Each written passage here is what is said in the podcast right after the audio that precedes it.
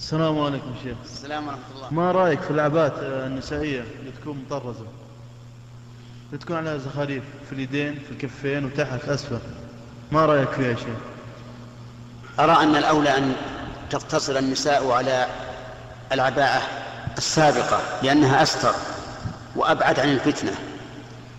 أما العباءة التي ظهرت حديثا فإذا لم يكن فيها تطريز يلفت النظر أو قيطان تتدلى. فأرجو أن لا يكون بها بأس مع أني والله أستثقل أن أقول مثل هذا الكلام.